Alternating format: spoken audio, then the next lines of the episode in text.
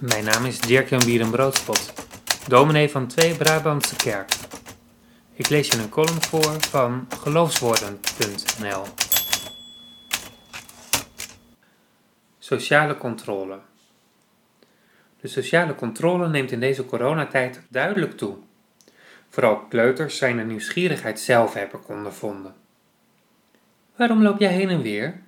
Vraagt een in roze tulle gehulde en met diadeem gekroonde prinses mij nieuwsgierig. De directheid van de vraag is even ontwapenend als uitnodigend. We al eerder hooi tegen elkaar gezegd op mijn vorige loopje. Ik wilde even een kaart posten, maar had geen geschikte meer in huis. De kaart schrijven mag nu niet in de winkel, dus dat zorgt voor al mijn heen en weer geloop. Eerst kaart en postzegels halen, dan naar huis en dan weer de helft van de weg terug om naar de brievenbus te gaan. Ik vertel ze hoe het gegaan is en wil verder lopen. Maar zo kom je er niet vanaf. De dames zitten prinsessenheerlijk in het zonnetje en zitten duidelijk op hun praattroon. We kletsen dus eigenlijk heel gezellig over school die nu dicht is, het logeren bij oma en het picknicken dat nu niet door kan gaan in verband met de crisis en dan opeens wordt het ernst. Mijn opa is dood, klinkt het als een zakelijke mededeling.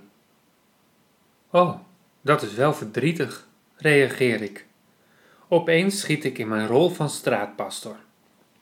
Ja, zegt ze en gaat verder.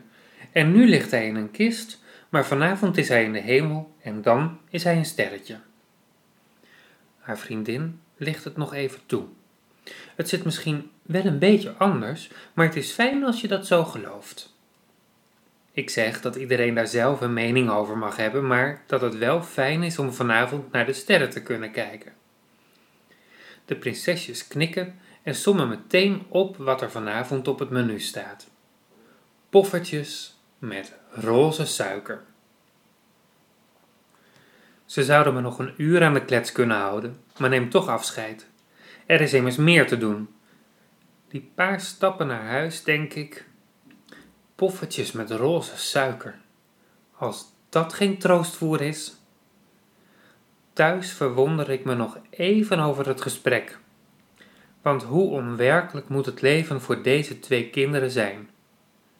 Bijna was ik aan ze voorbij gelopen, zoals wel vaker gebeurt.